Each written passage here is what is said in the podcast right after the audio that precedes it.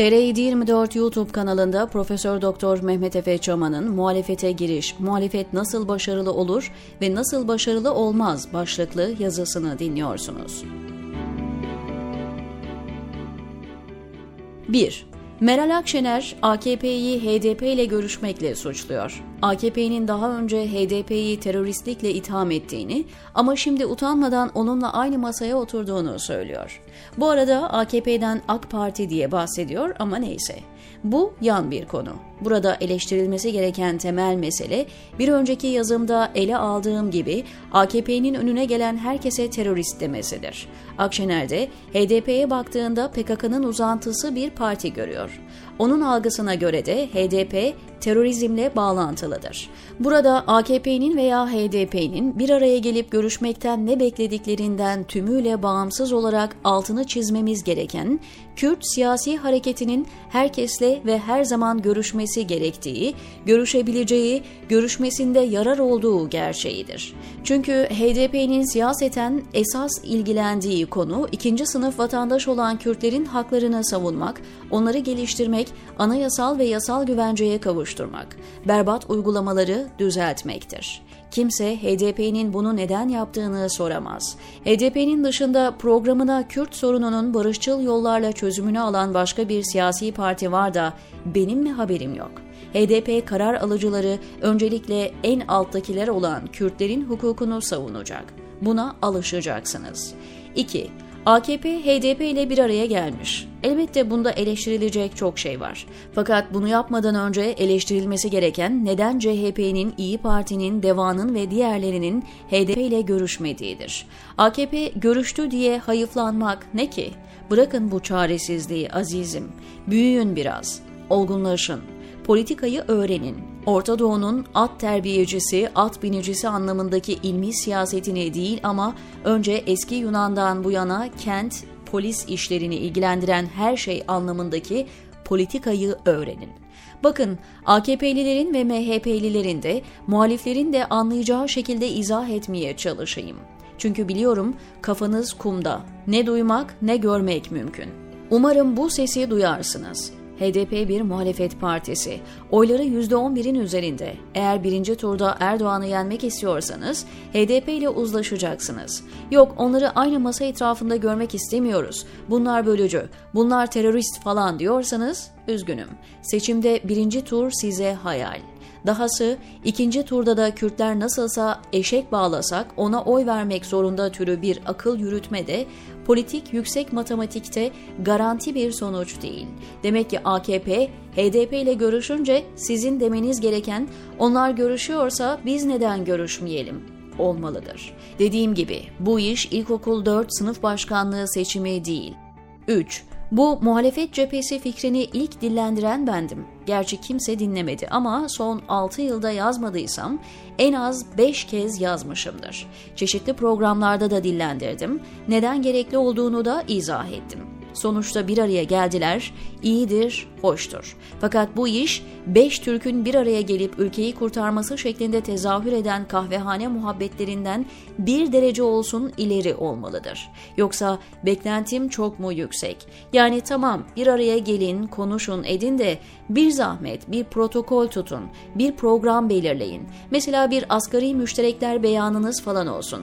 Ne talep ediyorsunuz? Neyi eleştiriyorsunuz? Alternatiflere dair önerileriniz nedir? Örneğin bu adalet mekanizmasının saraya bağlanmış olması, ekonomi, politik sorunlar, dış politika daha somutu mesela NATO, Ukrayna-Rusya meselesi ya da Suriye ve Irak'ın toprak bütünlüğüne dair duruşunuz. Aklınıza gelen neyse artık. Bunlar bir belli olsun kardeşim. Mostralık masa başına geçip İstanbul hatırası türü avni türü fotoğrafları vermek, kusura bakmayın ama tam bir boomer tipi siyasal davranış. Siz kime hitap ettiğinizi sanıyorsunuz? Bu iş 1960'larda kasaba köy gezip demir kırat Karaoğlan türü pastoral iletişimlerle ya da yerli malı haftasından esinlenen ekonomi politik tasavvurlarla olmadı. Kulaktan dolma teknoloji, bilim, bilgi devrimi falan türü 5 dakikalık video paylaşımlarıyla olmaz.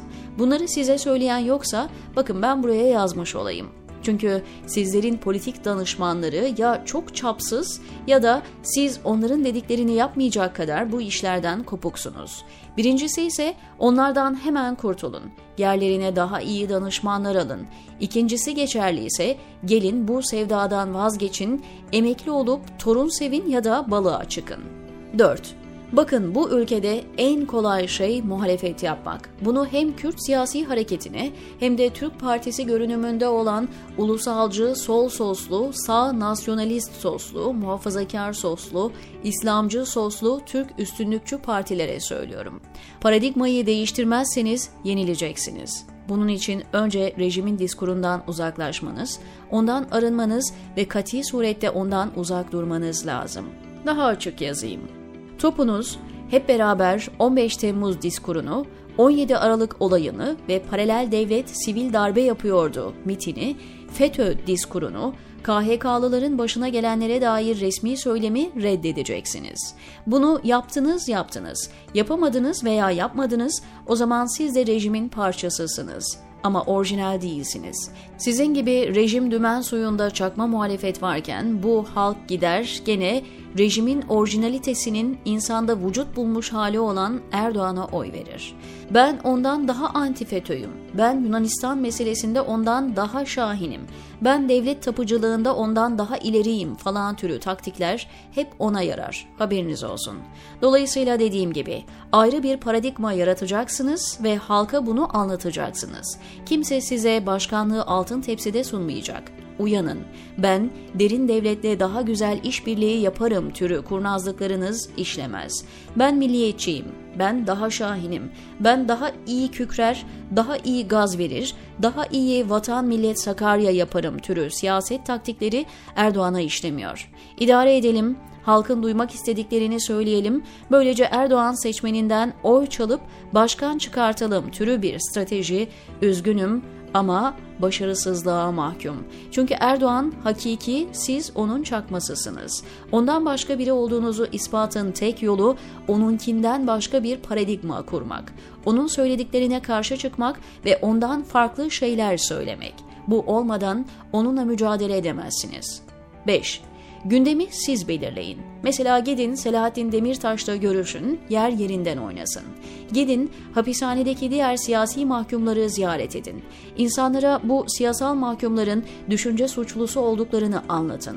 Osman Kavala'yı, Sedat Laçiner'i, Hidayet Karaca'yı, hapisteki anneleri ve bebeklerini, Kürt belediye başkanlarını gündeminize alın. Şekilden değil ama ciddi olarak. Erdoğan'ın 17 Aralık dosyasını bir açın. Yolsuzlukları deşifre edin. Bu süreçte Erdoğan Ergenekoncularla nasıl anlaştı, nasıl yargıyı kontrolü altına almayı başardı, nasıl basını susturdu, gazeteleri kapattı, bu süreç nasıl 15 Temmuz'a giden yolun taşlarını döşedi bunları insanlara hatırlatın. Sonra sıra 15 Temmuz'a gelsin. Gerekirse kendi aranızda bir araştırma komisyonu kurun. Bu komisyona ulusal ve uluslararası saygın isimleri atayın. Seçimlere kadar bu işi araştırsınlar. Bu arada uluslararası işbirliklerinizi artırın. Her bir hamleniz gündemi belirleyecektir.